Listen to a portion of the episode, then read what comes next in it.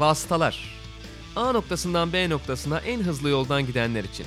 Malisel Işık, Barkın Kızıl ve konukları motor sporları gündemini değerlendiriyor. Sokrates Podcast'te Vasıtaların 10. bölümüne başlıyoruz. Ben Barkın Kızıl, Malisel Işık'la beraber. Bu hafta ağırlıklı olarak Brezilya Grand Prix'sini konuşacağız. Bunun dışında MotoGP Sepang yarışından bahsedeceğiz ve Macao'daki yarış hafta sonunu şöyle bir değerlendireceğiz. Aynı zamanda bir sinema deneyimimiz oldu Ford vs. Ferrari filmine. Biz çektik gibi söyledin. Öyle bir şey dedin ki biz çekerken çok eğlendik. Ama izlerken sıkıldık diyebilir miyiz? Eh yani yarış sahneleri falan biraz üzdü. Sonra tamam oraya geleceğiz zaten. Formula 1 ile başlayalım. Bu arada başlamadan önce Formula 1'den e, sevgili İnan Özdemir'in bir ricası vardı bizden. Seyircilere iletmek üzere e, bir çağrısı varmış. Dergiyi alın. Evet. Toro Rosso bu sezonun ikinci podyumunu aldı Mali. İlk podyumları... Ne izledik abi biz her Kilyat'la- şeyden önce? Ne izledik biz? Neler oldu? Ne yaşandı yani? ne izledik? Hiç bilmiyorum çok karıştı. Bir de 50 tur iyi bir yarıştı ama çok inanılmaz bir şey değildi. Bu arada inan söyledi e, sonlara doğru Bottas'ın patlamasına yakın e, televizyonu açmış. Her şey kafamda belli bir yere oturdu yani. Bir mantıklı bir sebebi var demek ki. Ya ilk 50 tur güzeldi. Çok güzel geçişler falan gördük aslında. Ama oradan sonra yarışın son bölümünde işler bambaşka seviyeye geldi. Yarış bittikten 1-2 saat sonraya kadar sarkan bir kafa karışıklığı ve ne oluyor abi şeklindeki e, karmaşa beni çok tatmin etti açıkçası. Biz yarışı beraber izledik. İlk defa bu sezon birlikte bir yarış izledik. Evet. O yarışta da böyle şeyler oldu. Artık ben bizi- Almanya Grand Prix'sini de önüne koydum ama sen çok aynı fikirde Bence değilsin Almanya gibi. bir numara ya. Çünkü baştan sona kaos vardı orada. İşte Mercedes'in e, pitlerdeki kafa karışıklığı şusu busu derken bence Almanya bir tık daha iyiydi. Bir de ben yağmurlu yarış seviyorum. Bu Brezilya bir de üstüne yağmurlu olsa inanılmaz olurdu. Bir Bir de de baştan yağmur sonra yağsa- bir şeyler oldu orada mesela. Burada belli bir yerden sonra e, ortalık karıştı. O yüzden bence Almanya hala daha iyi bir yarış ama bu da yani gerçekten süper bir yarıştı. Bahsedeyim podyumdan. Hadi bahset. Ee, Gasly podyumdaydı. Az da Red Bull Toro Rosso Red Bull podyumu Evet. oluyordu. Yani o da ilginç olacaktı Çok aslında acayip olsaydı. olacaktı. Ve tabii podyuma çıkan Lewis Hamilton'ın ceza aldıktan sonra üçüncülüğünün Carlos Sainz'a geçmesi durumu ve McLaren'ın çok uzun yıllardır aradığı podyumu bulması aslında ilginçti. Ya o da Carlos Sainz de inceleme altındaydı. Bir bakıyoruz falan böyle 5-6 sıra tamamen inceleme altında. Sainz'e ceza gelirse Hamilton tekrar mı podyuma çıkıyor? Raikkonen, Giovinazzi arkada falan derken yani ne olacağına dair e, yarış bittikten işte bir buçuk saat sonraya kadar falan galiba kesinleşmedi. Hatta biz Sainz podyumda fiziksel olarak yer alsın diye acaba incelemeyi biraz Ben yazdım. çabuk tutup evet Twitter'dan admin açıklayın Sainz'i dedim. Admin açıklamadı. İşte o incelemeden dolayı bu arada geç, geç yapmışlar. Çünkü daha önce yapmadıkları şey değil. Ee, şeyde cool down odasında, kuliste, e, arka tarafta. E, abi dur aranızda bir değişiklik olacak diye biraz böyle garip şeyler yapılmıştı daha önce. Sonra gecenin ilerleyen saatlerinde de hem şampanyasını hem kupasını verdiler Sainz'a. Bir fotoğrafı da var güzel. Ama Brezilya'ya dair böyle bir şey var. 2003 Grand Prix sonrasında da mesela Giancarlo Fisichella yarışı kazanan adamdı aslında ama e, sonrasında belli oldu. İşte iki tur geriye saymaları gerekiyordu falan filan. Kırmızı bayraklar çıkınca. E, orada mesela F1 podyumunda e, kimsenin doğru basamakta olmadığı ilk ve tek an. E, orada çünkü Fernando Alonso yarışı üçüncü bitiriyor. Ya daha doğrusu yarışın bitir, bittiği kısmı e, Alonso'nun klasifikasyonunda üçüncü sırada olduğu nokta. Ama Alonso kaza yaptığı için kırmızı bayrak çıkıyor. Alonso hastanede o zaten yok. E, birincilik basamağında Raikkonen var. ikincilik basamağında Fisichella var. Sonrasında değişmişti.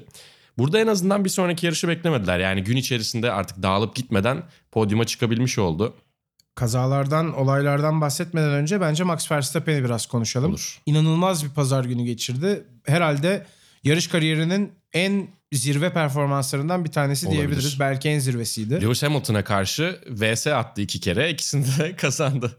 İkinci geçişi özellikle çok acayipti. Neredeyse yarım boşluktan geçti ve ya bir anda geçti. Hamilton da bence ne olduğunu çok anlamadı. Evet. Yalnız şu noktada bence şu önemli. Daha doğrusu bu noktada şu önemli. Hamilton'ın çok centilmence yarışması. Yani o bir araçlık boşluğu ne olursa olsun bırakıyor. Aynen öyle. Ee, ki Albon'la temas ettikten sonra da özür diledi. Evet. Zaten Orada bir boşluk vardı ama olmaması gerekiyordu diye. Dolayısıyla Max Verstappen'e biraz kudos atalım. Yani gayet iyiydi. Terazisine tıklayalım. Çok iyi bir yarış çıkar dediğin gibi. Ee, olması gereken yerde olması gerektiği kadar zorladı. Yani pitlerde Kubica ile çok yakın bir e, an yaşadılar aslında. Orada da bu arada Williams'ın verilmiş sadakası varmış. İyi ki zaman cezası verdiler. Normalde gerçekten para cezası veriyorlar böyle şeylerde. Evet 5000 dolarlık bir Çok ceza daha önce olabilir. verilmişti bu sezon içinde. Herhalde 5000 dolar ceza gelse biz 5 taksitle ödeyelim diye Clay Williams başvuruda bulunurdu yani. Evet olabilir. Çek senet yapabiliyor muyuz? Sezonda bitiyor. Sıkışığız diyebilirdi. Evet, evet. Tabii Bottas Leclerc mücadelesi ilginçti. Aslında bütün olayların da başladığı noktaydı Bottas'ın Doğru. yarış dışı kalması. Sonrasında yarış çıldırdı. Ee, beraber izlerken de ben sana söylemiştim. Bu sezon bu kadar yakın takibin hiç hani bu kadar uzun sürdüğünü görmüş müydük diye sordum. Evet Leclerc Görmemiştik Bottas'ın. herhalde. Evet. Ee, ve muhtemelen kirli havadan dolayı Bottas'ın motor problemi yaşadığını gördük. O kadar uzun takip devam ettiği için bir anda dumanlar yükseldi ve Evet, Bottas bir yağ sıkıntısı kaldı. varmış. Yağ sızıntısı galiba e, yanlış hatırlamıyorsam. Ki zaten motorun yağ yakmaya başladığını o e, standart hani yağ dumanından görüyorsun ama bir süre gitti bu arada. Yani aslında çok performanstan düşmeden bir tur daha gitti. Acaba dedik hani e, belki o kirli havadan çıkarsa toparlar mı? Belki orada pit alırlar mı derken bir anda Bottas aracını kenara çekti. Onun da güvenlik aracı girip o kadar uzun sürmesinin sebebi Bottas direksiyonu yerine geri takmamış. Dolayısıyla e, pist görevlileri manevra yapamamışlar araçla. O yüzden dışarıdan e, kamyon gelmek zorunda kalmış. Ya böyle saçma sapan bir domino silsilesi. Ki domino zaten genellikle silsile eğer e, domino oyunu oynamıyorsanız. Aslında Mercedes'te tabii Toto Wolff yoktu bu hafta sonu Brezilya'da. Bu da biraz onları etkiledi Evet. bana göre. Çünkü enteresan kararlar verdiklerini gördük. Hatta daha ilk Çok lastik kötü iki, değişiminde... iki net karar verdiler. Çok kötü olmak İlk üzere. lastik değişiminde Hamilton yanlış lastikle bence pistteyiz dedi. Evet. Oradan başladı aslında bence Doğru, hatalar zinciri. diyebiliriz. Sonrasında işte güvenlik aracının arkasında Verstappen'in yaptığın tersini yapalım diye düşünmeleri. Diğer güvenlik aracında yarışın bitimine çok az kala tekrar pite girmeleri. Çok Evet. ilginç kararlar oldu. Hamilton'ı gereksiz strese soktular belki onun için. İkinciliğini Evet. belki de Yediler. yaptılar. Evet. İlginç değil mi? Yani Toto Wolff'un etkisi mi sence bu yoksa Yani şöyle Toto Wolff bunları tek başına tabii ki strateji olarak yapmıyor ama onun etrafında takım daha sakin davranıyor gibi sanki. Bu arada Toto Wolff'ün de e, olmamasının sebebi büyük ihtimalle Mercedes AMG Petronas takımının Penske'ye satılabilme ihtimaliymiş. Bundan bahsediliyor. Yani Avrupa'da işlerim var falan dedi ve Roger Penske bu arada bilmeyenler için IndyCar'ı satın aldı. Komple Indy serisini satın aldı. E, aynı zamanda da e, Indianapolis Motor Speedway, Indianapolis pistini satın aldı. Artmış demek ki biraz üstüne bir de Formula 1'e girmeye e, çaba sarf ediyor. Zaten Geox Dragon Racing'de Formula E'de varlar. Dolayısıyla Toto Wolff e, ciddi anlamda Mercedes'in geleceğini belirleyen bir sebepten dolayı takımın başında iki yarıştır yok gibi görünüyor. Ama gerçekten bunun da liderlik olarak belki strateji olarak dolaylı anlamda etkisi vardır. Ama başta bir, bir de bir kere şey zaten o masaya yumruk atan olmayınca demek ki biraz daha işler daha e, sıkıntılı hale gelebiliyor. Senin de söylediğin gibi yani 3 tane kritik hata yaptılar. Üçü de çok gereksiz aslında alternatif plan üretme isteğiydi. Mercedes bir ters ayaktayken problemler yaşıyor. Alışmadıkları bir yer aslında. Onlar stratejiyi belli, belirliyorken, yarışı dikte ettiriyorken çok daha rahatlar. Ve rakiplerini çok ters ve zor durumda bırakabiliyorlar. E, ama gerçekten bu yarışta çuvalladılar. aynısını Almanya'daki sürpriz pit stop sırasında da gördük Evet. aslında ne kadar dağılabildiğini. Ama bunun dışında kusursuza çok yakınlar tabii. Bu da onlara çok büyük avantaj getiriyor. Şampiyonlukları getiriyor. E tabii şimdiden şampiyon olduktan sonra tabii de tak- e, yani şampiyonluk belirlendikten sonra takımın üzerinde tabii ki bir ufak rehavet de vardır. Ama yine de bu çok iyi bir e, pit duvarı gösterisi değildi ha, baktığımızda. Red Bull markası herhalde bu yarışın en çok öne çıkan markasıydı. Toro Rosso'yu da dahil edersek. Günün kazananı Dietrich Mateschitz oldu Evet hakikaten. kesin. Ve yeni bir pit stop rekoru geldi. Artık bu rekorlar bakalım nereye doğru gidiyor. Neredeyse bir buçuk saniyeye doğru yaklaşıyoruz. 1.82 benim boyuma yaklaşmış neredeyse Benden uzun. yani. Evet benden de uzun 2 santim uzun benden de. Çok hızlı ya 1.82 ama şeyi söylüyorum ya 1.82'yi kovalamak mı yoksa 2-2.5 arasında pit stopu sabitlemek mi? Çünkü çok hatalar yapılıyor. Bu, bu yarışta olmadı gerçi ama ya çok hızlı pit stop yapmaya çalıştığında aslında daha yavaş pit stop yapabiliyorsun. Öyle söyleyeyim. Çünkü hataya daha çok fırsat veriyorsun. O yüzden 2 ile 2.5 saniye arası bence gayet ideal. Red Bull'la ilgili bir de şunu söyleyeyim. Daha doğrusu Toro Rosso ile ilgili demek lazım. Son düzlükte Hamilton'la Gasly neredeyse yan yana bitirdiler yarışı ve Gasly'nin Honda motorunun daha hızlı olduğunu gördük. Evet. Hamilton yetişemedi. Çok ilginçti. Yani bir- gerçekten bir server yarışı izledik son, son 15 turda 20 turda. İnanılmaz bir finişti ve aşağı yukarı belliydi. Yani yan yana geçecekleri damalı bayrağı belliydi o son virajdaki e, durumdan belli oluyordu. Gerçekten güzeldi ya. Bir de Brezilya'da hep güzel yarışlar oluyor ya. Yani e, bazen yağmur oluyor. Yağmur olmasa da sezonun son yarışı olduğu zaman daha güzeldi tabii ki. Yani e, sezonun Abu Dhabi'de bitmesi hala benim için süper bir durum değil. E, Brezilya'da beklenmedik şeyler daha çok olabildiği için belki sezon sonu daha dramatik oluyordu. O yüzden güzel bir Grand Prix'di gerçekten. Ve çok uzun süre konuşulacak tabii ki. Hadi gelelim o konuya. Evet artık Ferrari'ye girelim. Öncelikle kazadan bahsedelim bence. Performans tamam bir yana. Yani yine iyi gitmiyordu yarış Ferrari için. Belki podyumda kaçıracaklardı. Podyumu kaçıracak gibi görünüyorlar. Belki Leclerc ucundan hani yakalayabilirdi öyle bir şey.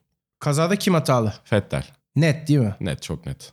Hiç gerek yoktu böyle bir şeye. Yani o kadar yaklaşmaya gerek yok. O sola doğru son seyirtmesi hiç gere gereği olan bir hareket değil. Çünkü oradan yarış çizgisini tutturamayacağım belli. Yan yana döneceksiniz.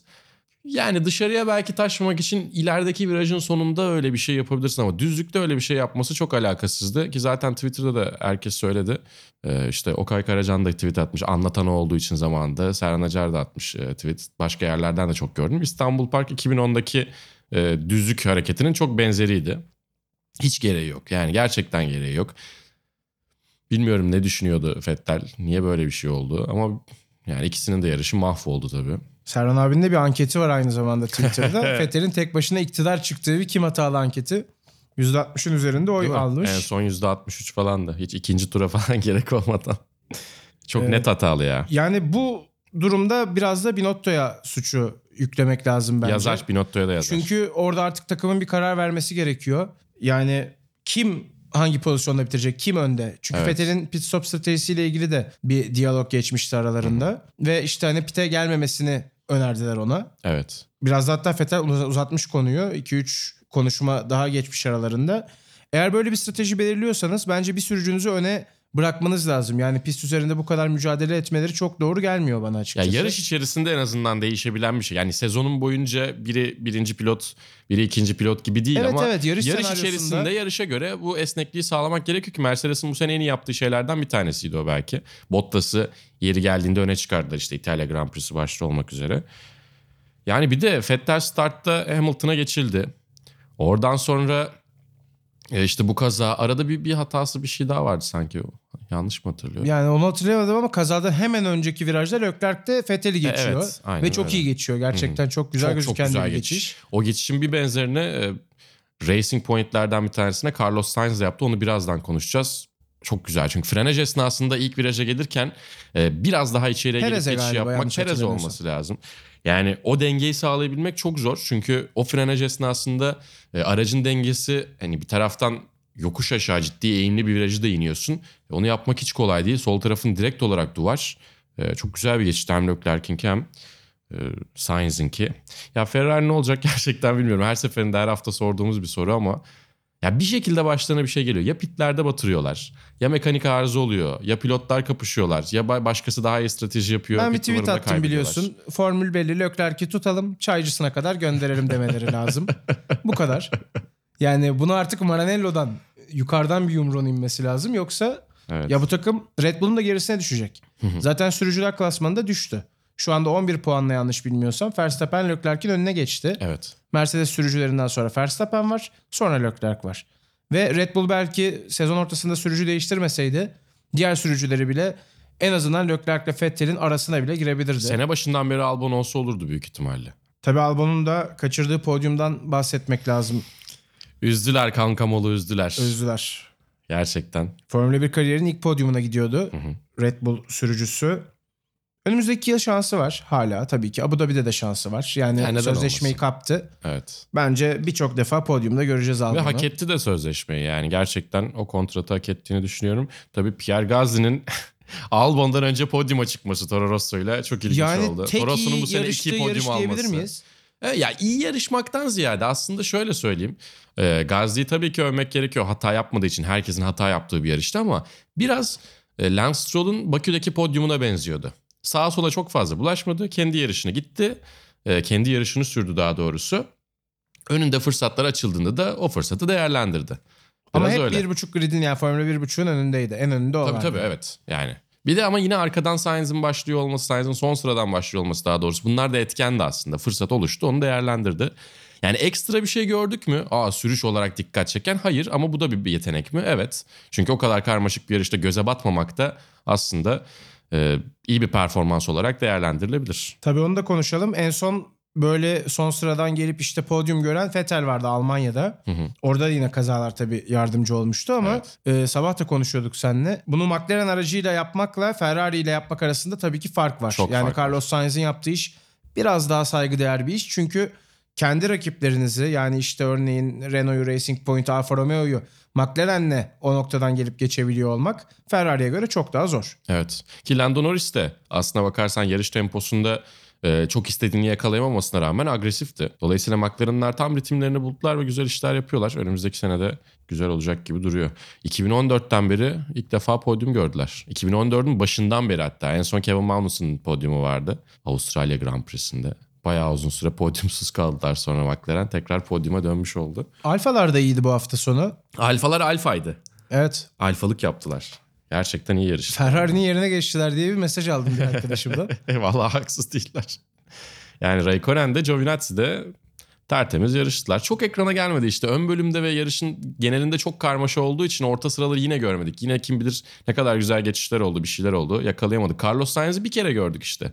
Yani tek sıra kazandığını gördük Carlos Sainz'in. Bir şekilde ekrana çok fazla gelmedi aslında. Üstüne podyuma da çıkartmadılar. Çocuğa ekran yasağı koymuş gibi fon.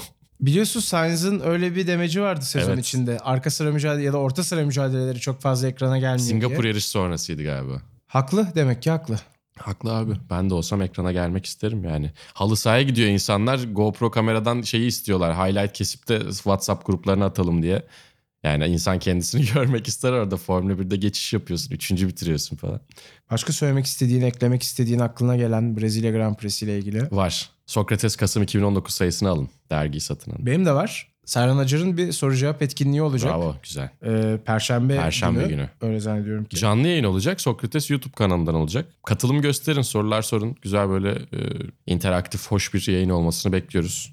Belki biz de şey yaparız. Saatine göre şöyle bir e, chatten, vasıtalardan selam göndeririz Serhan'a.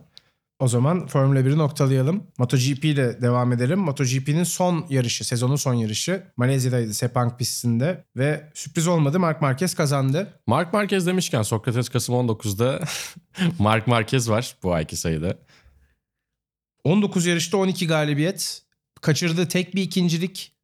Evet. İnanılmaz bir sezon. Çok ilginç. Yani şöyle anlatalım, öyle özetleyelim. 19 yarışta bir kere yarış dışı kaldı. O da çok sürpriz bence. Yani sene başında şu yarışta düşecek ya da puan alamayacak Mark Marquez desen Austin'i seçmezdin. Çünkü geldiğinden beri Premier sınıfa Austin'de o kazanıyordu. Ee, o ilginç oldu açıkçası. Oradan puansız ayrıldı. Geri kalan bütün yarışlarda senin de söylediğin gibi ya birinciydi ya ikinciydi. Ki genellikle birinciydi. Çok acayip bir sezon. Ee, puan rekorunu da kırdı. Jorge Lorenzo'nun puan rekorunu kırdı. Ona da bu hafta sonu veda ettik e, emekliliğini açıkladı Jorge Lorenzo. Sakatlıklarla birlikte çok istediği gibi dönememişti. Sonra biraz motivasyonunu kaybetmesi, biraz belki eski fitliğini yakalayamama e, endişesiyle birlikte e, çok değerli bir kariyeri noktalamış oldu. 5 kez dünya şampiyonu, 3 kez Premier sınıf dünya şampiyonu Jorge Lorenzo. Mark Marquez'i yenebilen tek adam. Mark Marquez'den şampiyonluk alabilen daha doğrusu tek adam. Uzun yıllarda öyle kalabilir mi acaba? Ben merak ediyorum. Yani belki. ben diyorum sana 19'da 19 kovalayabilir Marquez. Bundan sonra ne yapacak çünkü daha? Ya bundan sonra... Zaten şampiyon oluyor. Ay tabii ki ama bundan sonra önce işte Premier sınıfta şampiyonluk rekoru ardından toplam şampiyonluk rekoru belki ki o 13 yanlış hatırlamıyorsam Giacomo Agostini'nin. Ya birkaç tane ulaşılmaz rekor var onları ulaşılabilir gösterebilir açıkçası. Yani E, belki başka bir bir markaya geçebilir. Hı? 27 yaşında hala genç bir isim. 27 değil ya 93 26. Tamam işte. Ben de matematiğin 93'lüyüm mazur 27 yok. deme bana işte daha değil daha var. 26 yaşında. Yaş muhabbeti de açılmışken biraz genç sürücülerimizden Oo, bahsedelim. Güzel bağladın. İyi bağladım hakikaten. Moto 3'te Can Öncü'nün 12.lik aldığını gördük. Aynen. Sezonun en iyi sonucu kendisi Sezonun adına. en iyi sonucu. Geçtiğimiz yıl kazandığı yerde tabii. Yani çok acayip bir yarıştı. 2018 Valencia Moto 3 yağmur altında. İşte ilk Grand Prix galibiyeti Türkiye için. ilk defa e, ilk yarışına çıkan bir wildcard yarışı kazanıyor falan. Çok çok acayip işlerdi. Sene biraz onun için öğrenme senesi oldu. Yani çok sonuçlar anlamında iç açıcı değildi ama tabii çok genç olduğunu söylemek lazım. Yani özel izinle katıldı zaten. Deniz 16 yaşına girdikten sonra birkaç wildcard yapabildi onun yerine. Bazen de yanında. E, dolayısıyla daha yani 4 sene boyunca sadece tecrübe edinmek için sezonlar geçirseler dahi 20 yaşında oluyor. Yine çok genç oluyor. O yüzden hemen zaten başarılar beklemek çok ekstra olurdu. Ama 12. ligde gayet sağlam. Böyle bir güzel noktayı koydu en azından. Can'la ilgili de bazı izlenimler edindik diyelim. Yani kesin olmamakla beraber. E storylerden falan biraz kendini belli ediyor açıkçası. Sanki Süper Sport'ta ve Kawasaki ile evet. yarışacak gibi gözüküyor. Puchetti gibi görünüyor e, Kenan Sofuoğlu vasıtasıyla birlikte. Deniz Moto3'te kalacak. Tektura ile kalacak. E, o da bakalım neler yapacak. Yine Tektura e, tırmanabileceği basamaklar sunuyor ona baktığımızda. İyi bir sezon bekliyoruz açıkçası. İlerleyen sezonlarda daha doğrusu yine iyi işler yapmaya devam edeceklerdir. Bu arada Süper Sport için de yaşı genç. Tabii ki. Ya şu an ne, ne de yarışsa Junior şampiyonalar dışında yaşı genç. Ki Junior şampiyonası için bile yani yaşlılardan biri tabii ki değil. Ortalamanın yine altındadırlar. 16 abi çok gençlerden. Bu arada MotoGP demişken kapatmadan önce e, Juan Zarco'nun attığı çok acayip takladan bahsetmek gerekiyor. Juan Zarco'nun herhangi bir e, sakatlığı veya ciddi bir durumu olmadığı için rahatlıkla konuşabiliyoruz. Biz İzge'yle yayında anlatırken endişelenmiştik. Çok sertti çünkü. E, önce Danilo Petrucci düşüyor. Sonra e, belki dikkati dağılıyor. Belki aynı şekilde ön lastiği soğuk olduğu için e, Juan Zarco düşüyor. Söylene söylene yavaş yavaş e, çakıl havuzunun dışına çıkmaya çalışırken e, Iker Lecuona e, düşüyor ve arkadan motosiklet gelip Juan Zarco'ya inanılmaz bir ters takla attırıyor. Çok ilginç bir görüntü. Ya şimdi izleyince komik tabii ki bir şey olmadığını bildiğimiz için ama o an biraz endişelenmiştik. Bir de Joan Zarco'nun alameti farikasıdır. Son dönemde tabii yarış kazanmıyor ama e, Moto2'de yarış kazandığı dönemlerde e, motosikleti şöyle bir kenara çeker o lastik bariyerlerden ters takla atardı. ama bu sefer herhalde daha beklenmedik olmuştur. Motosiklet içinde ayağımı yerden kessin yeter demiş olabilir. Macao'da Macao'da tabii ee, aslında yarış dünyasının ikonik sokak pistlerinden bir tanesinde Evet. yine yarış hafta sonu vardı. Asya'nın Monaco'su her anlamda çünkü Macao kumar şehri aynı zamanda. Bir yarış festivali demek lazım aslında. Doğru. Hem Formula 3 hem işte binek araç hem Superbike hem de GT sınıfı yarışıyor eğer atladığım bir şey yoksa. Superbike niye yarışıyor orada ben hala anlamıyorum bu arada. Çok tehlikeli ya. Ya Isle of Man gibi değil. Isle of Man'in olayı o zaten. Kültürü o belki ama Macao'da motosiklet yarışı bilmiyorum çok tehlikeli ya. Macao'da herhangi bir şeyin yarışı tehlikeliyken şasinin yarısının sürücü olduğu bir seri bana biraz şey geliyor. Ekstra tehlikeli geliyor. Geçen yıl Formula 3 Brutal. yarışında 3. virajda Lisboa virajında Sophie Flörsch'ün çok ciddi bir kazası vardı. Uçarak pistten dışarı doğru gitmişti Ki ve ne olduğunu çok uzun süre anlayamamıştık. Evet. Sen yayındaydın. Hı hı. Roket gibi böyle saçma sapan e, o prefabrik işte tribünümsü bir şey fotoğrafçılar falan da vardı. Neyse orada da kimseye bir şey olmadı ciddi anlamda. yani yaralanmalar oldu aslında ama yaralanma olacak. ölüm Yani yaralanmalar oldu ki. çok hafifti. Yani gerçekten. Evet o kazanın boyutunu düşündüğümüz zaman çok hafif gerçekten. Dolayısıyla çok tehlikeli pistlerden bir tanesi aslında. Öyle Evet, söylemek lazım evet. ama çok da ikonik pistlerden bir tanesi. Ve e, Formula sınıfında yani single seater'larda ya da açık teker serilerinde orada bir şey başarabiliyorsanız biraz ışıkları ya da işte gözleri üstünüze çevirebiliyorsunuz. Çok doğru. Yani Ve- Ayrton Senna'nın Mia diyecektim. zamanında kazandı. Macau Grand Prix olarak geçtiği için bu arada bir Grand Prix kazanıyorsunuz aynı zamanda. Yani o Grand Prix'e katılabilecek araçların e, teknik regülasyonları Formula 1 değil. Ama zaten e, öyle olmak zorunda değil. Macau Grand Prix'si kazanıyor olmak e, CV'nize mutlaka ayrıca yazdığınız bir şey oluyor. Bir sezonun içerisinde kazandığınız yarış gibi değil. Zaten bir sezon dışı yarış bu. Hı hı. Sezonu Robert Schwarzman kazandı. O da çok büyük topçu olacak bence ileride. Burada Bayağı da yetenekli. Richard Verskoor Evet. galibiyete uzandı. Hollandalı Red Bull çıkışlı bir isim. Hollandalı Red Bull çıkışlı. E, isminin daha doğrusu soyadının ilk üç harfi VR. Yani Say de say.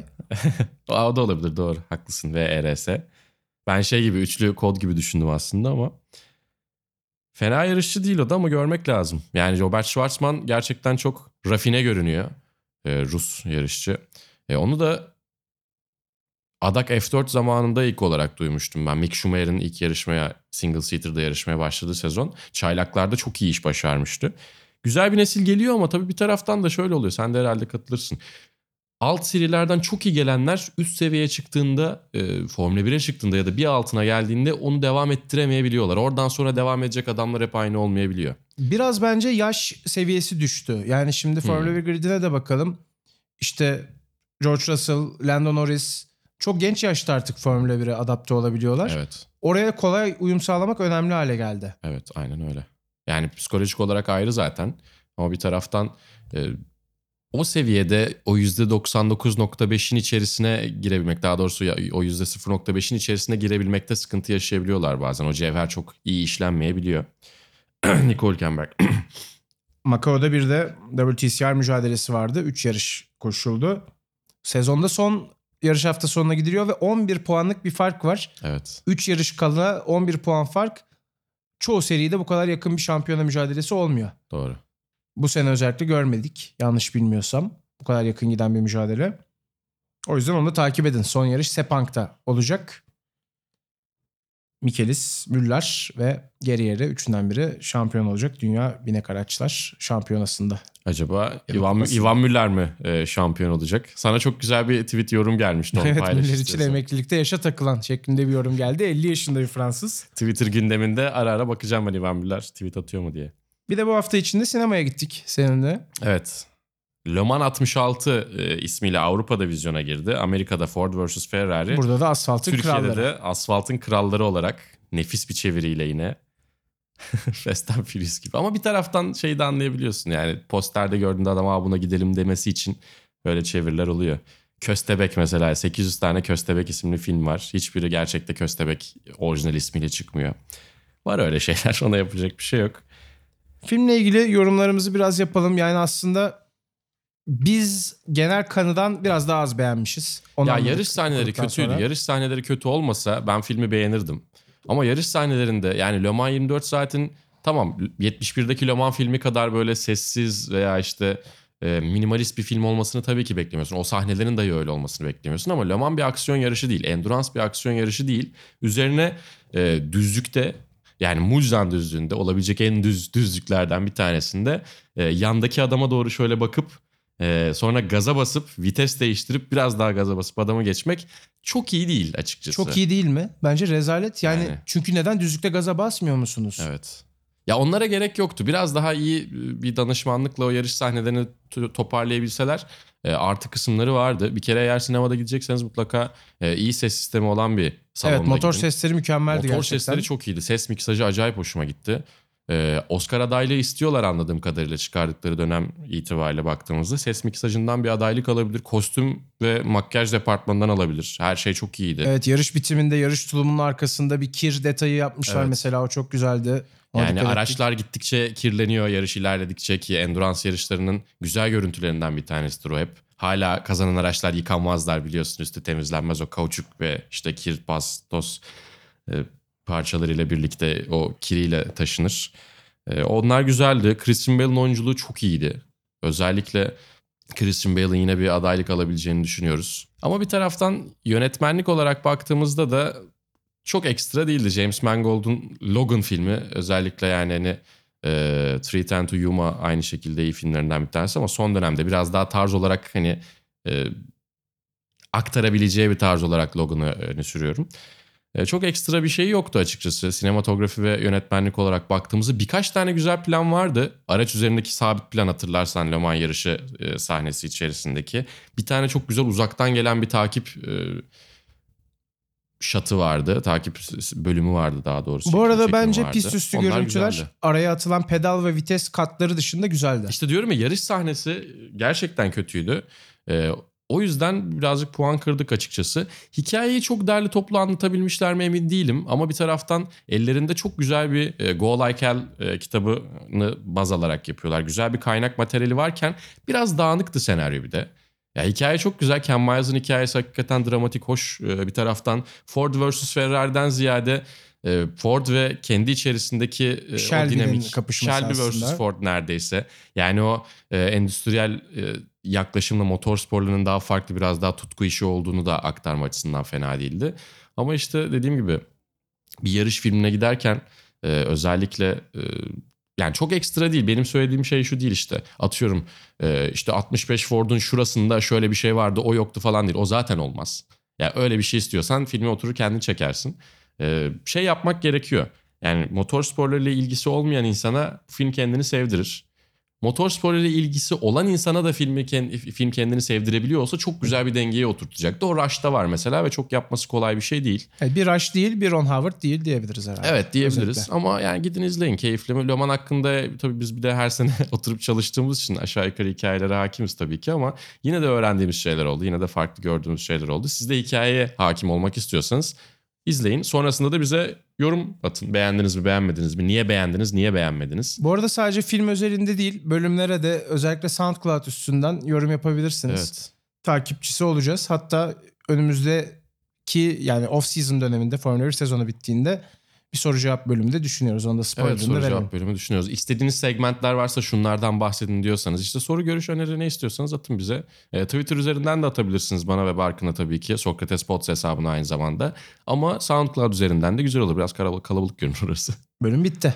Bitti mi? Bitti. Hadi bakalım. Ben Barkın Kızıl. Ben Vali Selişik. Vasıtaların sonuna geldik. Bir sonraki bölümde tekrar görüşmek dileğiyle. Hoşçakalın. Hoşçakalın.